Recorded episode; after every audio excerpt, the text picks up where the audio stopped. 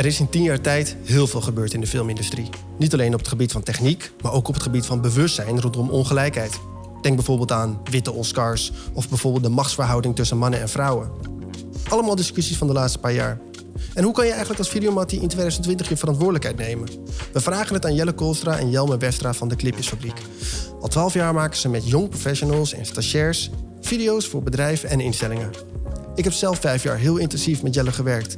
En Jelle is echt een leider die de gave heeft om elke stageperiode, keer op keer, een samenstelling te maken van jonge makers die maximaal hun talent benutten.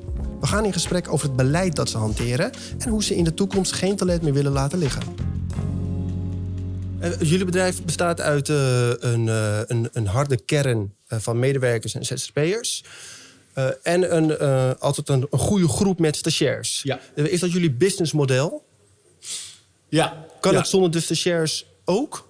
Dat is een goede vraag. Dat, eh, onze professionals zeg, zeggen dat ook wel eens. Die zeggen van, joh, kunnen we niet zonder die... Ik, uh, kijk, die stagiairs zijn voor ons ontzettend belangrijk... omdat ze nieuwe input zijn. Dus uh, Insta-stories, TikTok, hè, er zijn natuurlijk wat mensen die, die dat, dat... Die invloed, die willen wij altijd hebben als clipjesfabriek. En bovendien hebben wij iets met opleiden. Wij kunnen allemaal goed opleiden. Dus wij, en uh, die stagiairs, dat zijn altijd early adapters. Dus je hoeft het ze maar één keer uit te leggen en dan kunnen ze het al. Ja, want alle mensen die bij jullie dus werken, medewerkers of ZZP'ers, hebben ooit allemaal uh, stage gelopen. Zo is het. Ja. ja. Dus dat is ook het leuke. Je krijgt uh, tien nieuwe stagiairs en nu zitten er ook weer een paar bij, waarvan je zegt van ja, in juni kan je eigenlijk niet weg. Want ik heb je nodig. Ja, ja, ja, dus die, die huur je dan vervolgens weer in. En dat betekent dat er ook aan de bovenkant altijd weer wat mensen afvallen. He, Erwin die gaat op een gegeven moment zeggen van... nou joh, ik heb het nou gezien. Nu kan ik het zelf. En dan uh, neem je afscheid van elkaar. En, uh, en zo Alex, dat is de laatste die weg is gegaan. Kut, maar ik snap het ook. Ja. En hoe zit het met, je, met jou, uh, Jelme? Ben je ZZP'er? Ben je medewerker? Of? Bij de Clipjesfabriek ben ik Ja? vaste medewerker nu. Alright. Ik heb mezelf een beetje opgewerkt. Ik ben in, in 2016 ook als stagiair begonnen. Net als jij ooit daar ook eh, als stagiair kwam natuurlijk. Ja. En eh, daarna was ik ook, wat Jelle al zei... ze hadden me meteen weer nodig daarna in de zomervakantie. Dus dan kom je er wat vaker weer aan, klussen. En op een gegeven moment zei ik ook tegen Jelle... ik zat naast hem in de auto van... eigenlijk zou ik best wel graag bij, je- bij je willen werken. En toen zei hij van, dan gaan we het toch regelen. En sindsdien ben ik eigenlijk niet meer weggegaan. En kom ik elke dag vanuit Friesland helemaal naar Almere... omdat ik gewoon passie heb voor het vak. Ja. Welke veranderingen heb jij gebracht bij het bedrijf? Ehm, nou, ten eerste toen ik stage kwam lopen... heb ik heel veel veranderingen gebracht op het gebied van audio. Want er werd toen nog wel veel... eh voice-overs werden opgenomen met een zoom, met een app- apparaatje... gewoon en een kamertje verderop. En dan eh, niet eh, goed geïsoleerd. En de geluidskwaliteit, ja, die gaat er natuurlijk ten koste van. Dus ik dacht van, we moeten een betere apparatuur ervoor hebben. En dat heb ik toen eh, allemaal tegen Jelle gezegd en meteen aangeschaft. En daar was het verschil. Mhm. Ja, Jullie voice-overs zijn goed, maar die nemen jullie allemaal gewoon op in huis dus? Ja, we hebben een vocal booth. Oké. En wie zijn de stemacteurs? Eh. Jelmer is de, degene die... Ja, daar baal ik van. Want ik heb natuurlijk een geschri- Ik heb ooit Man bij het Hond ingesproken. Hè? Dat is een legendarisch televisieprogramma. Eh, dus ik, ik had naam en faam op dat gebied. maar Jelmer gaat er eh, dwars overheen. Dus die, de- Jelmer wordt het meest gevraagd. Ik sta er ook op. Eh, en dan hebben we ook twee dames. Nienke, dat is onze meest gevraagde eh, vrouwenstem. En dan hebben we vaak ook een van de twee, een van de stagiaires die, we, die, die dat leuk vinden. Jelmer neemt vaker een stuk of drie, vier op. En dan kiezen we er één en die zetten we er ook op. Dus we hebben twee vrouwen, twee mannen en één Engelstalige Thijs. Die praat vrij accentloos Engels. Ja. Maar ik, wat ik heel erg merk, wat de trend is... ik zie het ook eh, bij jullie producties... minder eh, praatje-plaatje video's met interviews... die dan drie, vier minuten duren... omdat het verhaal van die klant erin kwijt moet... en steeds meer in de vorm van, eh, van voice-overs, hè? Ja. Of een combinatie ervan. Ja, en dat is natuurlijk vooral in deze tijd heel erg handig. Want ja, heel veel mensen, daar kan je niet, niet even naartoe voor een interviewtje of zo. Of die willen er niet aan meewerken, kunnen niet aan meewerken. Het kost sowieso veel meer inspanning om nu een interview te gaan doen dan het Ja. voorheen was. Ja. En met een voice-over kan je natuurlijk veel meer comprimeren, al die content. En dan, eh, Ja, ja, ja. En achteraf, weet je, een klant kan ook nooit zeggen van... ah, had diegene dat maar of dat Ja. maar gezegd. Want dat staat natuurlijk vast. Alles dat is ook gescript wel dan echt, eh, natuurlijk. fijn. Ja, ja, ja. Hey, hoe zitten jullie nu eigenlijk in het werk? Is iedereen weer eh, back at the office? Nou, nog niet alle freelancers eh, hebben... Kijk, wij hebben eh, de vaste medewerkers. Dat zijn, er zijn vier mensen in eh, vaste dienst. Dan hebben we tien stagiairs. En dan hebben we zeg maar, een stuk of vijf, zes freelancers... die twee, drie of vier dagen per week voor ons werken. En dan hebben we nog een schild eromheen voor extra werk. Die freelancers, die drie, vier of vijf dagen per week... die hebben wij op non-actief moeten zetten. Daar heb ik toen de, de coronacrisis uitbrak, heb ik die eh, eh, gecontact van jongens, er is even nu niet werk. Want het allemaal droogt het op. En dat gaan we nu langzamerhand er weer bijhalen, omdat er echt te veel werk is. Dus eh, de- die komen er nu langzamerhand weer bij. Lekker hè, dat het weer een beetje Dat begint te rollen. Ja. Ja. Ja. Ja. Ja. Ehm, zomervakantie wel in aanzicht. Ook altijd weer een beetje een aparte periode voor jullie. Want Ja, Geeft- we merken toch veel dat veel doorgaat. Ja, vroeger was het zo dat je in de zomer eh, even andere dingen moest doen. ja, We hebben natuurlijk geen stagiairs in de, in de zomer. Zij het eh, de stagiairs die we inhuren als professionals. Ehm, maar over het algemeen loopt het toch door. ja. ja, wat ik merk is dat alles wat afgezegd was, wordt nu weer opgepakt. Ja. En wel een beetje ingepland in, in, in ju- juli, augustus om, eh, om weer te gaan doen. Ja. Ehm, je hebt een mooie blog geschreven, Jelle. Ehm, ehm, eh, geschreven naar aanleiding van eh, de antiracisme-protesten. Ehm, en toen ik het zag, die titel, die was, die was volgens mij... Wij zijn ook schuldig. Ik dacht, wat is dit nou? Weet je, is dit clickbait? clickbait? Hij wil... Maar toen, toen, toen las ik het verhaal. En, en het eerste wat ik me afvroeg is van... Hé, we- is het nodig dat dit verhaal verteld wordt? Waarom voelde je geroepen om, eh, om dit blog te schrijven? Eh, ik vind dat wij onvoldoende. Het, het lijkt heel erg politiek correct, maar ik, ik vind echt dat wij onvoldoende die, eh, in een gemixte samenleving zitten. Ons probleem is, als alles wat solliciteert is bijna wit. Ehm, en ehm, dus wij nemen ook allemaal witte mensen aan. Dat komt omdat op die opleidingen zitten ook allemaal witte mensen. Dus de mediaopleidingen, dat zijn vooral witte mensen. Bij Ja. de NCV, Caro, werkten vooral witte mensen. Ja. En dan waren er wat, eh, eh, vergeef me de term, excuusnegers. En die zaten op de multiculturele programma's. Dat is fout. Dat is verkeerd. We hebben af en toe wel kleur. En dan heb ik er zoveel plezier van. Eh, eentje is eh, Zaher. Dat is een, echt een feest van een vent. Is eh, zoon van een vluchteling, Afghaanse vluchteling. Die is hier gekomen. Dat zijn mensen die hier komen, die over het algemeen zijn dat hele dappere mensen. Hè? Die hebben die hele tocht gemaakt, die hebben ontberingen, die, hebben, die zijn voor een toekomst gegaan. Zaher is daar een kind van. En Zaher heeft zich, dat zegt hij zelf, heeft bij ons binnengeluld. En die kon andere dingen dan, eh, dan ons vaste team kon. En daar heb ik zoveel van geprofiteerd. En ik wens ieder bedrijf een Zaher toe. Ja. En eh, om die te vinden en te krijgen, daar moet je moeite voor doen. En daar doen wij onvoldoende moeite voor, Erwin, volgens mij. Ja, en want wat diegene bracht, dan, dan link je dat ook wel aan zijn afkomst. Hij, hij heeft misschien die honger. Hij heeft misschien die pijn waar hij uit kan putten. Is, link je dat dan ook wel daaraan? Of was dat meer een persoonlijkheidseigenschap van Nou, hem? Zaher blijkt inderdaad een, een dappere, eh, innovatieve vent. En dat heeft. Ik denk over het algemeen, de vluchtelingen die hier komen, dat zijn dappere, innovatieve mensen. Want die, die hebben eh, af en toe gedacht van we kunnen niet linksom en dan rechtsom. Vol- Volgens mij is dat een ondernemer. Als het niet linksom kan, Ja. dan ga je dus rechtsom. En dat zijn vluchtelingen en dat is Saher. En dat, eh, dat vergeten we wel eens bij de mensen die hier terechtkomen. Dan denken we dat zijn zielige mensen, want ze zijn gevlucht. En ik denk dat het over het algemeen hele dappere mensen zijn, want ze zijn gevlucht. Ja, eh, maar dat jij je dan, dan uitspreekt, hè? Soms, ik heb wat mensen gebeld ter voorbereiding van deze podcast. Soms valt, schiet dat ook in het verkeerde keelgat. eh, ke- eh, In het verkeerde keelgat. Ik, ik sprak iemand en die vond het dan heel raar dat zijn organisatie zo'n zwart plaatje had gepost. Wat zijn jouw reacties geweest op jouw bericht? Op, het, op de, de, eh, Op de blog? Op je blog, ja. Alleen maar positief tot nu toe. Ja. Er is niemand die daar eh, vervelend eh, bericht. Kijk, het is ook wel makkelijk. Want over het algemeen die zwarte plaatjes werden ook gewaardeerd. Ik vind dat daarmee niet het probleem wordt opgelost. Nee. We moeten echt structureler iets, iets gaan doen. En dat hebben we wel. We hebben wel nu iemand in het team aangewezen, Sita... die daar een speciaal project van gaat maken. Want anders komt Wauw. het niet van de grond. Ehm, ook al, niet, niet zozeer omdat ik eh, zo, zo me- eh, menslievend ben. Ook omdat we vinden dat de clipjesfabriek er beter van wordt als we mensen van kleur. Dat, dat weten we natuurlijk ook van de muziek. We houden van muziek. En we weten die zwarte invloed in muziek is goud waard. Blanke muziek is, eh, als het echt alleen maar blank is, is het hoekig. Is het, als er zwart, als, het, als er funk in komt, dan komt er soul in, dan komt er. Eh, Dus dat, en dat zou bij video ook moeten. Ja. Dat zijn ook van die verhalen van Elvis en de Stones. En dat, dat, dat zij eigenlijk de zwarte muziek hebben gekaapt, toch? Zeker, Ja. zeker. Ja, Ja, ja. het komt wel. Dus, bij de zwarte- Maar dat is gek. Maar In de, in, de, in de muziek, je denkt er eigenlijk niet eens over na. Het is gewoon zo. Het is nooit een probleem of zo. ja. En ik denk dat heel veel eh, witte mensen daar nu ook mee zitten. Van, joh, ik, ben, ik snap het zelf ook niet eens, weet je wel, racisme. Voor mij is het nooit een ding geweest.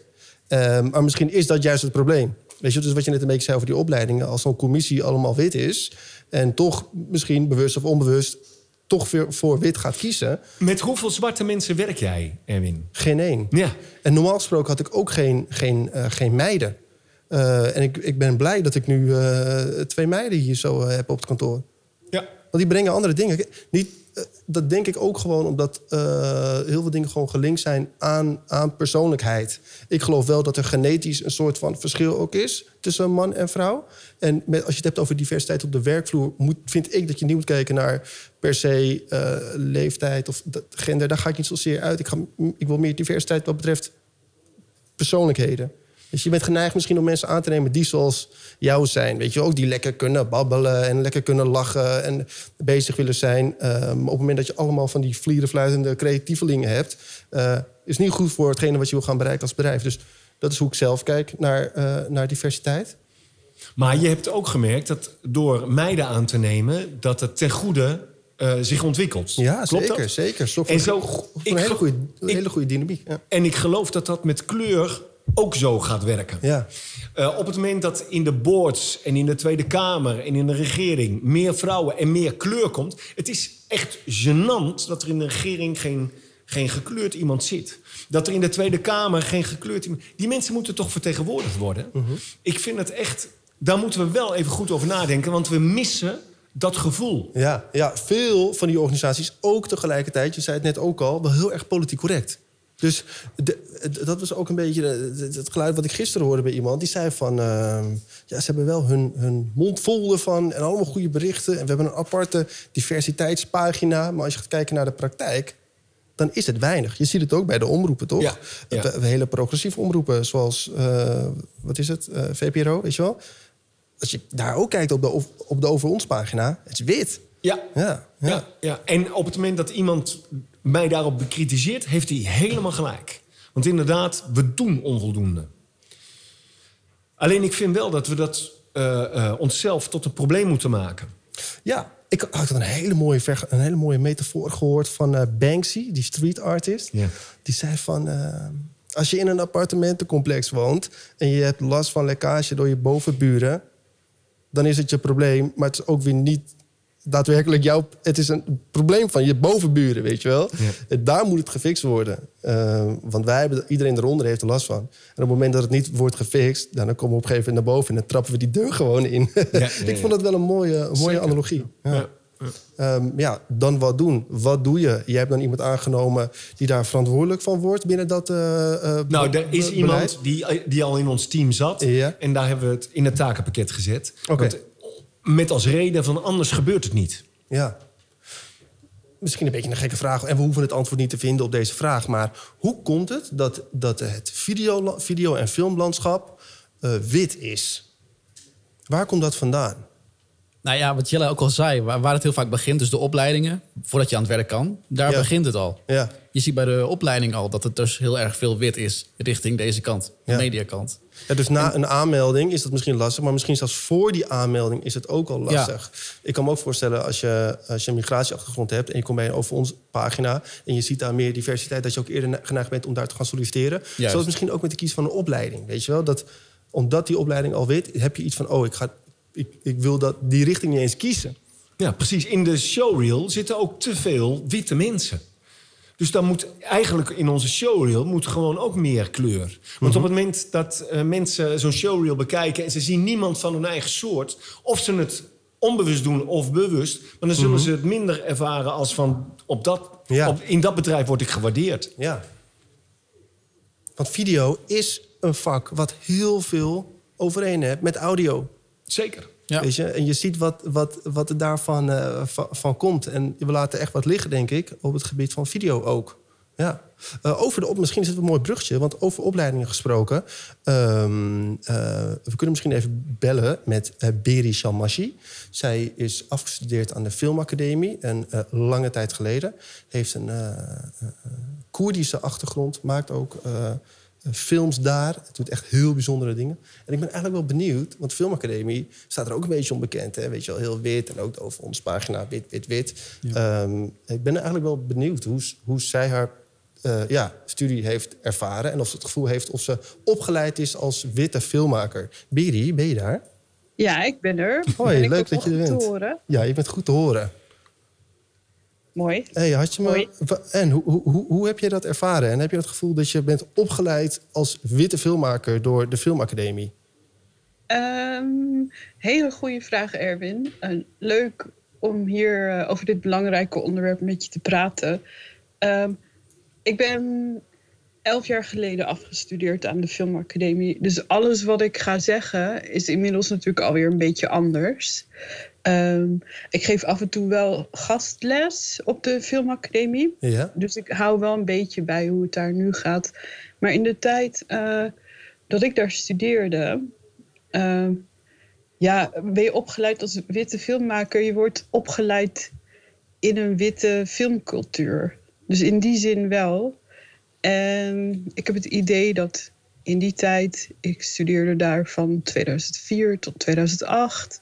Dus het zal ook een beetje gelden voor daarvoor en daarna.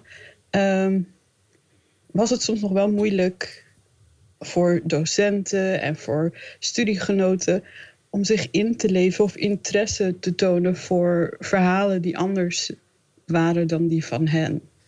Ja, dus uh, dan heb je het een beetje over erkenning, zeg maar. Dus je hebt een idee voor een, voor een film. En dan, en dan gooi je dat in de groep. En dan werd het niet ontvangen zoals je dat had uh, gehoopt. Ja, en uh, kijk, ik was super jong. En iedereen om me heen ook. Uh, en dit soort gesprekken waren er nog niet op dit niveau. Zoals wij dit nu bijvoorbeeld voeren. Dat was nog niet normaal. -huh. Dus soms was er iets. En had je niet helemaal door wat er niet lekker voelde. En daar hebben we nu denk ik meer woorden en kennis over. Um, uh, wat ik wel weet is dat de Filmacademie toen ook al heel erg bezig was met... er moet meer diversiteit onder de studenten. Uh -huh. um, maar ik weet ook, ik kan me nog goed herinneren...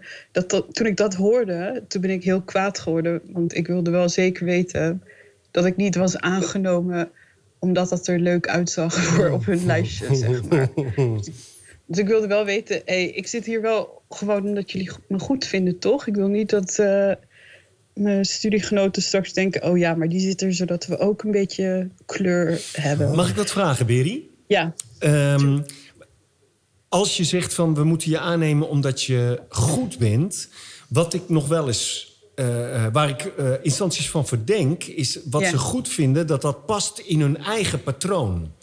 En Ja. dat het bij mensen met een kleur, dat wat er goed is, misschien nog wel wat anders is. Snap je dan wat ik bedoel? Ja, ik snap heel goed Op het moment, wij, wij zijn drie jongetjes, dus op het moment dat we een vierde erbij zoeken, dan uh, die moet ook kunnen voetballen of kunnen klaverjassen of weet ik veel wat. De dingen die wij leuk vinden. Maar als Ja. Beri erbij komt, is zij goed vanwege iets anders. Want wij kunnen beter voetballen dan jij, dat weet ik zeker. Maar jij Weet kan zeker? Ja, dat weet ik zeker, Beri. Eh, maar jij kan een paar dingen waar ik jaloers op kan zijn. Dus je, wij moet, je moet ons helpen om te weten wat goed is. Snap je dat wat ik bedoel? Ja, ik snap heel goed wat je be- bedoelt. Maar dat betekent bijvoorbeeld ook dat. eh, maar ik denk ook. Ja, ik denk wel dat je gelijk hebt, gelijk hebt dat jullie beter kunnen voetballen. maar misschien ben ik wel een hele goede keeper. Ehm, maar verwacht je dat niet? Omdat ik Ja, ja, bijvoorbeeld omdat ik een vrouw ben en vrouwen niet minder snel naar voetbal neigen. Ik denk dat je gelijk hebt dat mensen altijd kiezen voor eh, mensen die op ze lijken. Dus Ja. de discussie over kleur kan je net zo goed voeren over leeftijd, maar bijvoorbeeld ook over klasse en over waar in Nederland je vandaan komt. Bijvoorbeeld, ik denk dat eh, jonge mensen die naar de filmacademie gaan en die uit een dorp ver van Amsterdam komen, dat die ook op, het op een bepaalde manier moeilijker hebben dan van die hele stadse types. die opgegroeid zijn met ouders die ook al filmmaker waren en aan de gracht woonden. Snap je wat ik bedoel? Ja. Dus het, het gaat niet alleen, het gaat nu natuurlijk heel erg over kleur, maar het gaat om alles eigenlijk wat afwijkt van de dominante groep mensen in de filmindustrie. Want het is bijvoorbeeld ook heel grappig dat toen ehm, de school wel eh, alert was op, hey, misschien moeten we iets meer kleur aannemen. Maar ik heb ze nooit gehoord over, hey, misschien geldt dat ook voor onder de docenten. Ja, ja, ja. Dat mensen die toelating willen doen, ook wat vaker mensen die op zichzelf lijken terugzien. Ehm, in die hele collectie aan docenten die er waren.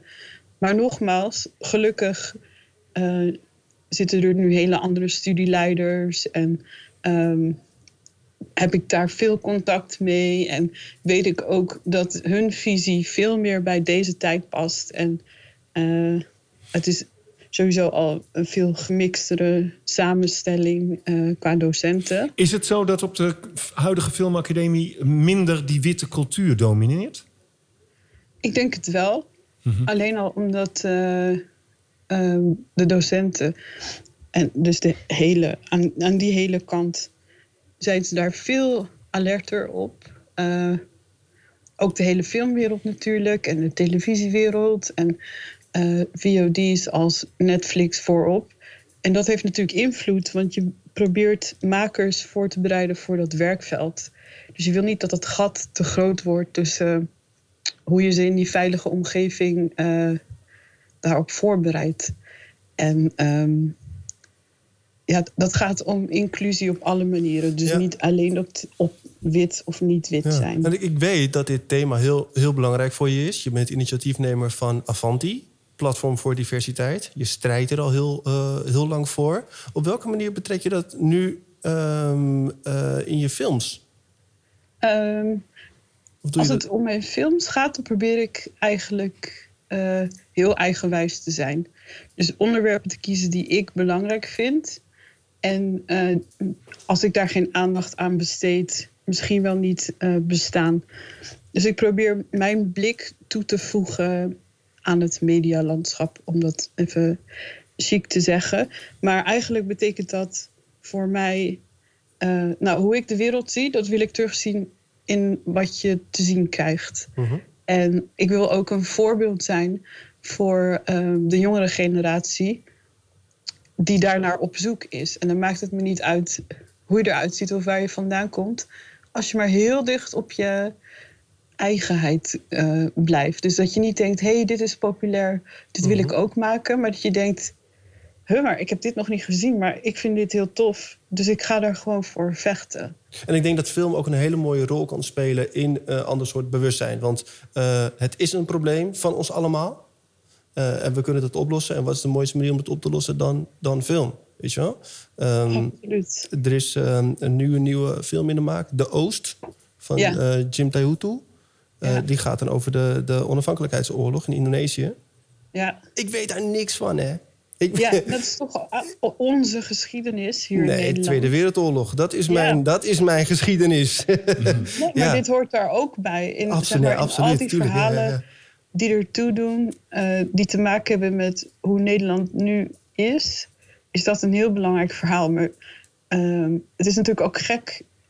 Ik kijk ontzettend uit naar die film, maar het is ook gek eh, dat dat de film is daarover, toch? ja, dat er dat nog niks eigenlijk is. niet normaal is dat we niet al vijf andere films hebben gezien. Dus ik kan me voorstellen voor de makers dat dat een enorme last op je schouders legt. Want alles wat wij straks weten over Indonesië, weten we straks dankzij deze speelfilm. Mhm. Dus ik hoop dat dan wat zij nu doen, eh, is bijvoorbeeld ehm, activistisch, omdat ze een verandering teweeg brengen. Terwijl je wil niet, eh, je wil niet, zoals waar we het net over hadden, drammen of eh, schoppen. Je wil gewoon je werk doen uiteindelijk. En een keer over een beladen onderwerp iets maken en de andere keer weer iets vrolijks. Maar wel gewoon ehm, jezelf kunnen zijn in je werk. Eh, En ook jezelf terugzien in het werk dat je maakt. En dan hopen dat er een paar mensen zijn die denken: hey, hey, dit gaat ook over mij. En dat kan, dat kan zijn omdat het letterlijk over je achtergrond gaat, maar ook gewoon over een type mens. Je kan een film maken over een voetballer, waar zelfs ik me in herken, bijvoorbeeld. Mhm. Omdat het personage misschien iets wil, voor elkaar wil krijgen wat ik herken. Mhm. Ehm, ja, ik denk dat, dat als we ehm, elkaars ideeën respecteren en niet gaan lachen of flauw doen eh, als iemands belevingswereld heel erg van de jouwe afstaat, dat je dan hele mooie diverse verhalen en divers niet zo van oeh, politiek, activistisch en kleur, waar ik trouwens niet vies van ben, want heel veel werk dat act- activisten doen veroorzaakt bijvoorbeeld dat wij het hier nu over hebben.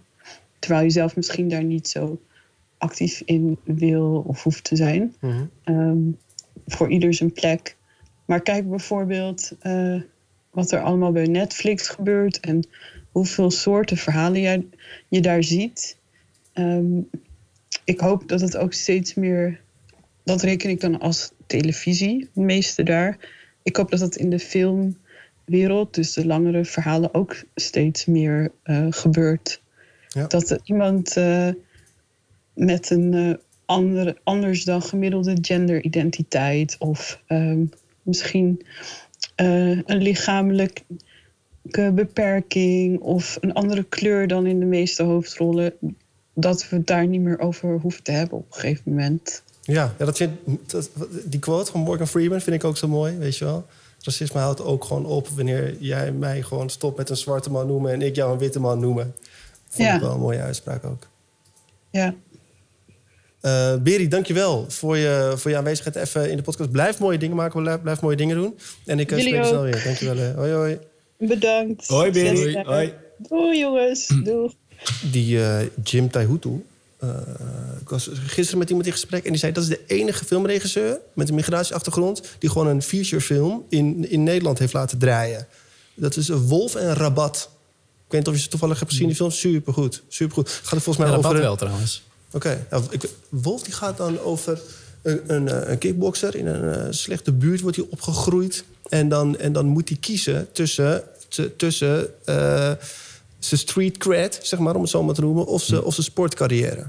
Ik weet niet of dit wel echt de synopsis is. Het is een beetje uit, uit de losse post, maar volgens mij gaat het daarover. Dus de, dat is ook echt een regisseur die dit... dat is wat Biri ook een beetje zei. Weet je, wel, dat verhaal wat je wil vertellen, dat je de vrijheid hebt... en, en dezelfde subsidies, want het is ons belastinggeld van ons allemaal natuurlijk... dat dat naar de, naar, naar de, de juiste mensen gaat... zodat alle verhalen worden verteld. Ja. Maakt hij ook de Oost? Ja, Ja. ja. ja, Ja. misschien moet Jeroen even researchen. Volgens mij is die Jim Taihutu ook de regisseur van Rabat. En, eh en Wolf, ja. Maar het is inderdaad wat Berry zei van eh, de Oost. Eh, wat wij in Indonesië gedaan hebben. we- Wij zijn daar als beesten tekeer gegaan. Hè? We hebben daar eh, eh, ge- de boel geterroriseerd. We hebben dorpen uitge... wa- Wat, wat de Amerikanen in Vietnam hebben gedaan... dat hebben wij in, in Indonesië gedaan. En over Vietnam zijn al honderden films gemaakt. Over Indonesië, als je daarover begint, er zijn nog steeds mensen belegen. Onlangs heeft Koen Verbraak, de grootste interviewer van Nederland, die heeft daar een serie over gemaakt. En eh, mensen durven dat nog steeds niet toe te geven, dat ze gewoon daar oorlogsmisdaden hebben gepleegd. Ja. En dat uh, ja, nog steeds taboe. Mhm. en, en dan nu pas die eerste film. Ja, kijk er ook echt naar. Jeroen, Ja. wanneer komt hij eigenlijk uit, die film? Kan je even checken?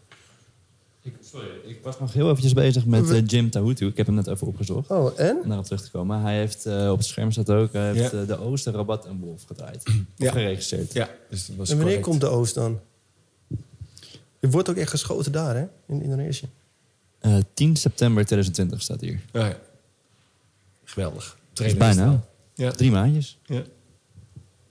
Nou, ik hoop dat hij niet wordt, eh, wordt uitgesteld. Nee. Wat ik sowieso heel irritant vind, is inderdaad alles waar Nederland zich voor schaamt of niet mee eens is. Dat wordt een soort van in doodpot gestopt. Wordt niet onderwezen, want ik mis dat dus ook heel erg. Want heel veel dingen die echt heel veel te maken hebben met de geschiedenis hier, nooit wat over gehoord. Ja. Wat je ook Nee. al zei, de Tweede Wereldoorlog heel veel. Maar die andere dingen worden allemaal een beetje weggestopt. En daarom vind ik het inderdaad ook heel belangrijk dat filmmakers dus wel die vrijheden nemen om de echte geschiedenis ook te laten zien. En die vrijheid Ja. moeten we ook echt koesteren daarin. Ja, ja.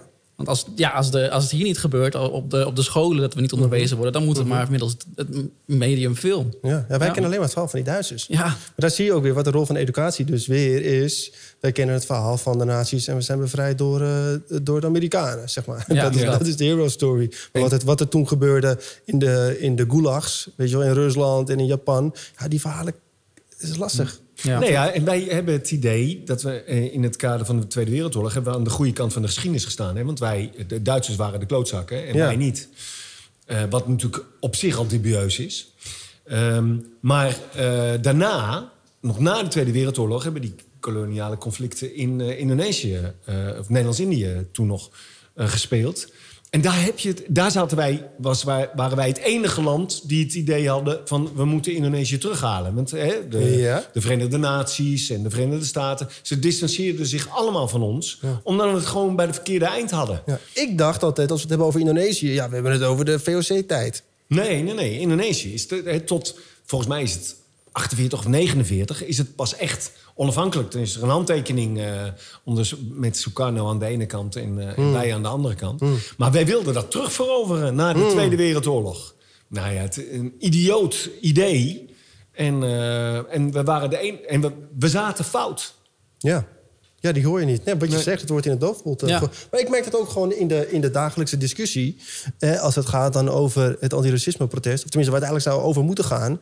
Nee, dan gaat het toch... Nou, dan, wordt het, dan wordt corona gepakt om maar niet dat gesprek te gaan voeren. En ik denk dat het daar echt begint. Kijk, dat jij ook echt acties onderneemt als bedrijf... om, om die verandering eh, eh, te gaan brengen...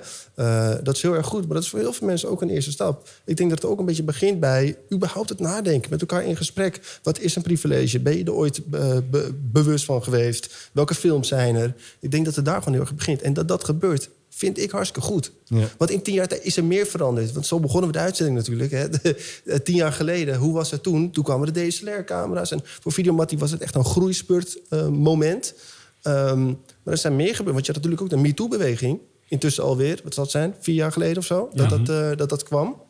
Ehm, ook op een, dat begint ook gewoon over het nadenken. En dat merk je ook dat daar veranderingen in zijn. Maar ik merk dat het op dit rassendossier gaat het helemaal niet uit hoor, vind ik.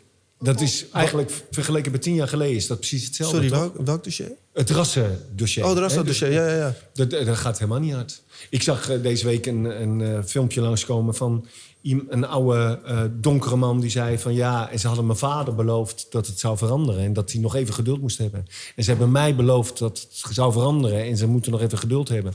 En ze beloven nu mijn kinderen dat het gaat veranderen en dat we nog even geduld moeten hebben. Maar godverdorie, moet het nou eens afgelopen zijn? Ik vind dat het op het gebied van zwarte mensen, van kleur, gaat het niet hard. Nee. Integendeel. We hadden deze week op een gegeven moment, een, eh, of verleden week, een Zoom-meeting. Van, eh, nou, wanneer heb jij voor het laatst met iemand van kleur gewerkt? Al die, al onze mensen had, deden dat nauwelijks. En dacht, ik dacht van, Ja, ik weet het. Ik, ik, net, nogmaals, ik snap dat gewoon niet. De- maar dat is omdat het in mijn kop voor mijn gevoel niet leeft. Weet je, ik had twee, wat is het? Een maand geleden videoclip shoot. Ik had een videomat in oproep geplaatst van... ik zoek echt een goede AC. Weet je, ik heb een dagprijs van 800x. Eh, kan je echt gewoon een goede AC nemen? Ik heb tien, eh, tien ehm, DM's gekregen. En de beste, dat was Seresse. Seresse Vola. Ik kijk naar zijn portfolio. Ik dacht, ah, ja, jou heb ik nodig. Geen één moment dat ik daar ook maar eh, aan denk of zo. Of ook als ik bezig ben met sollicitatieprocedures... dat dat in mijn hoofd speelt. Eh, niet bewust in ieder geval. Ja.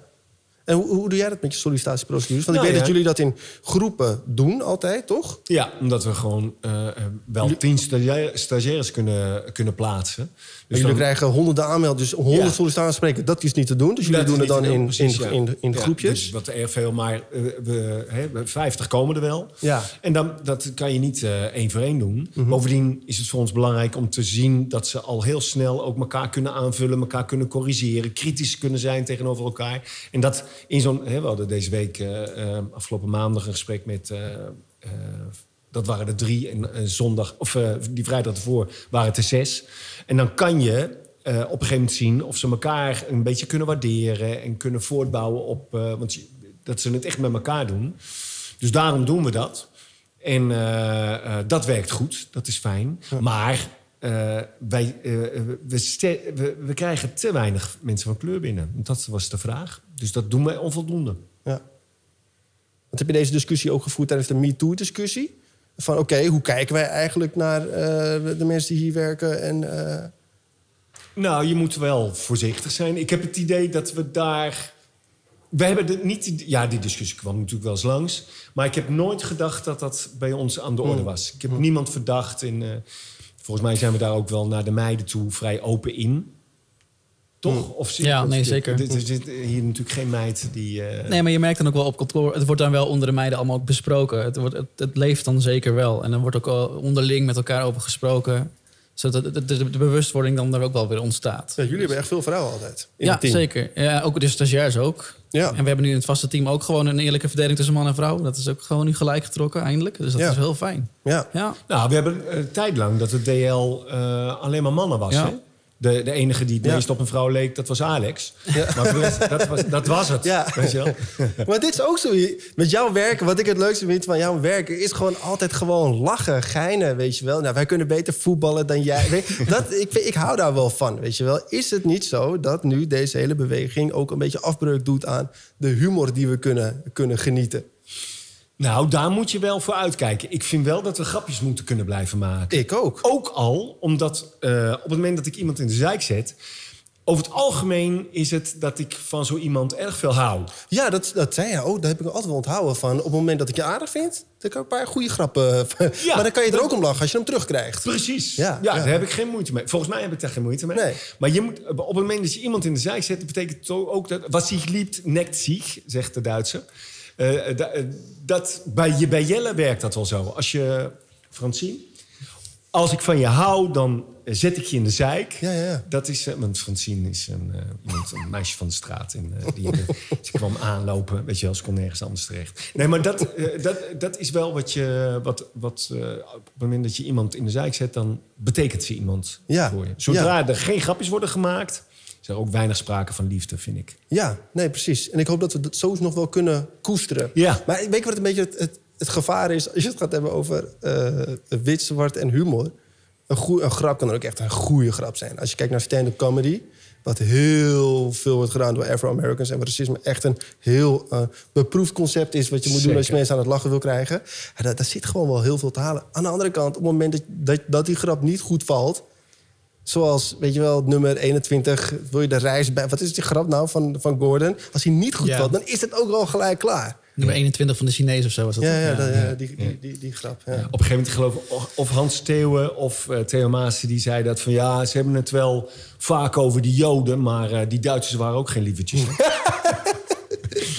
en ik hou er heel erg van. Ja, ik en hou- ook, ik- ook als er iemand overleden is, weet je wel... er moet wel op een begrafenis eh, ook een grap gemaakt worden... want dat, dan ontzenuwt het de boel. Ja, Het is gewoon een kwestie van de goede balans.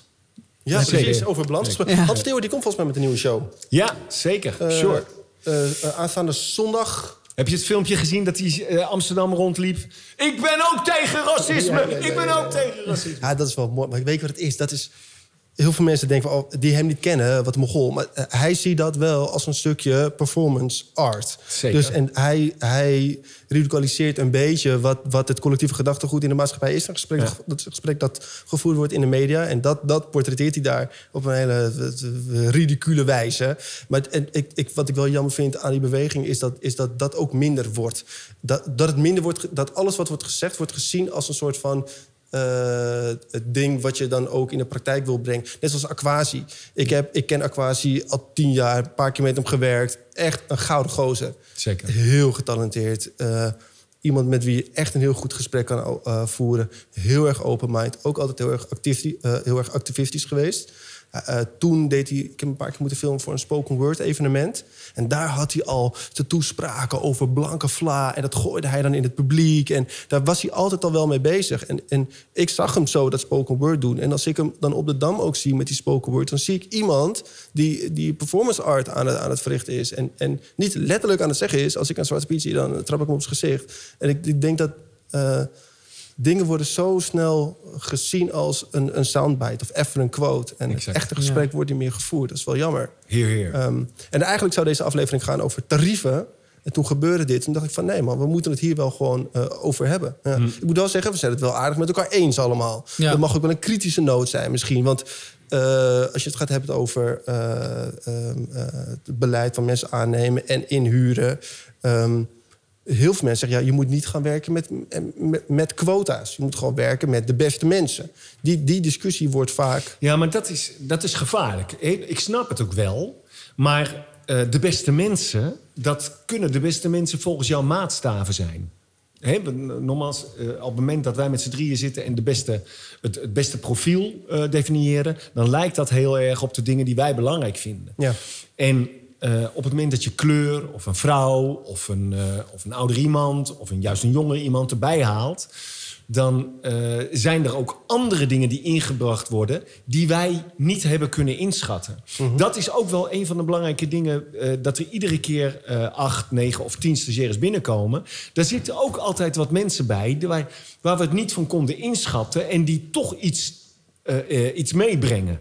En dat vind ik bij de Clipjesfabriek wel heel erg fijn. Daarom vind ik het fijn om met stagiaires te werken. Er komt nieuwe input binnen. En dat heb ik niet allemaal kunnen inschatten. Snap je wat ik bedoel? Ja, wat mijn punt is? Ja, maar los van ras keek jij daar altijd al zo tegenaan. Ja, natuurlijk. Want jij, jij ging een videoproductiebedrijf beginnen... terwijl jij heel goed was in eh, onderwijzen en verbinden en interviewen. Superveel, in, eh, superveel interviews eh, gedaan. Dus altijd eh, het belang ervan inzien van... oké, hoe gaan we die talenten in huis halen... en hoe gaan we er het maximale uithalen? Ja, dat is altijd wel iets geweest, denk ik... wat achter het succes eh, van jullie bedrijf zit. Zeker. En dat, hè, eh, Erwin en Wouter, die kwamen op een dag binnen. En die hebben wat veranderd. Daardoor zijn we uiteindelijk in Almere terechtgekomen. En eh, bedoel, zo werkt het. Daar ben ik dankbaar voor. En ik, moet, ik wil ervoor zorgen dat we iedere keer die aanvoer krijgen. Ja, Die ja, nieuwe mensen. ja. Nou, alleen nog een kleurtje. Ja, ja, Ja. ja. ja, ken je Levi nog, die stagiair? Zeker, Levi, zo, zeker. hé. Ja, Dat is een goed, hé? indrukwekkend. Zijn vader he- heeft bij ons, die is overleden, maar die heeft bij ons nog in een eh, video gespeeld. Oh, Geweldig vindt. ja, ja. Ja. Mooi, man. En Ja. ik, denk- ik denk dat, eh, zoals ik net ook al zei, hoe ik heel graag wil afsluiten... ik denk dat het goed is om in ieder geval met elkaar te gaan praten. Naar jezelf kijken, maar ook naar je organisatie kijken. Want het is heel makkelijk om te wijzen naar iemand. Hè? Ik bedoel, eh, we hebben het net over de, de filmacademie gehad. De directeur van de filmacademie die kan wel zeggen van... ja, eh, manager A of B, jij moet dit of dat doen. Ehm, dus enigszins moet je gaan kijken naar jou als institutie... maar ook wel naar jou als persoon. Dat Mag ik nog één voorbeeldje geven? Ja, Eh, Mark de Hond was 20. Mark de Hond, zeg je wat? Ja, wij hebben samen nog met hem eh, gefilmd. eh, Precies. zo, eh. ja, Ja, ik weet ja. dat jij, dat jij een, Nou een kwam- band met hem had Ja, ook. Die, die had geen media-achtergrond. Het was een internetmiljonair. Want hij had, eh, met- met 17, 18 had hij een veilingsite. Ja. Die kwam bij ons binnen en, eh, bij de NCV. En die hebben we toen op een gegeven moment gevraagd... eh, van, joh, kom nog eens. En die, hebben Ja. we, die is radio gaan maken. Die is toen op een dag had hij een operatie. En toen moest ik zijn presentatie op 3FM overnemen. Omdat, hij- omdat het misging. Dus toen is hij in een rolstoel terechtgekomen enzovoort. Die, dat heeft, die heeft zoveel invloed gehad op de manier waarop ik aan het ondernemen was. En die heb ik twintig jaar lang meegemaakt. Morgen, morgenavond ben ik eh, bij zijn, tenminste eh, bij zijn eh, afscheidsdienst. Hè, want hij is al begraven. Hij is overleden Ja. verleden week.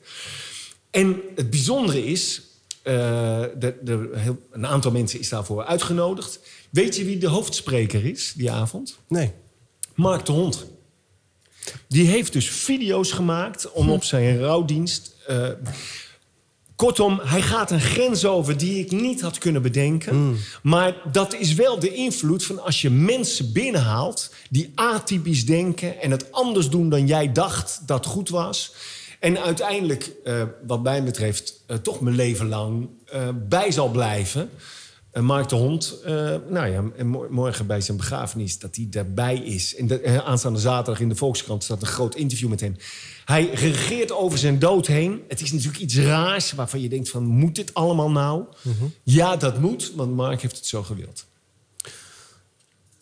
Echt, die guy, jongen. Gaat het niet zoals het moet, dan moet het maar zoals het gaat. Zo Eh, weet het. je wel, de, eh, linksom of rechtsom. Maar dat, dat is ook door zijn verleden... door de wortels die diep zitten... kan hij ook echt hoog groeien. En Ja. dat zie je, weet je wel. is Echt. ook een Joods, iemand uit de Joodse traditie. Hè? Die Joden hebben het natuurlijk altijd slecht gehad. Ja. Dus die, die hebben sowieso een energie die...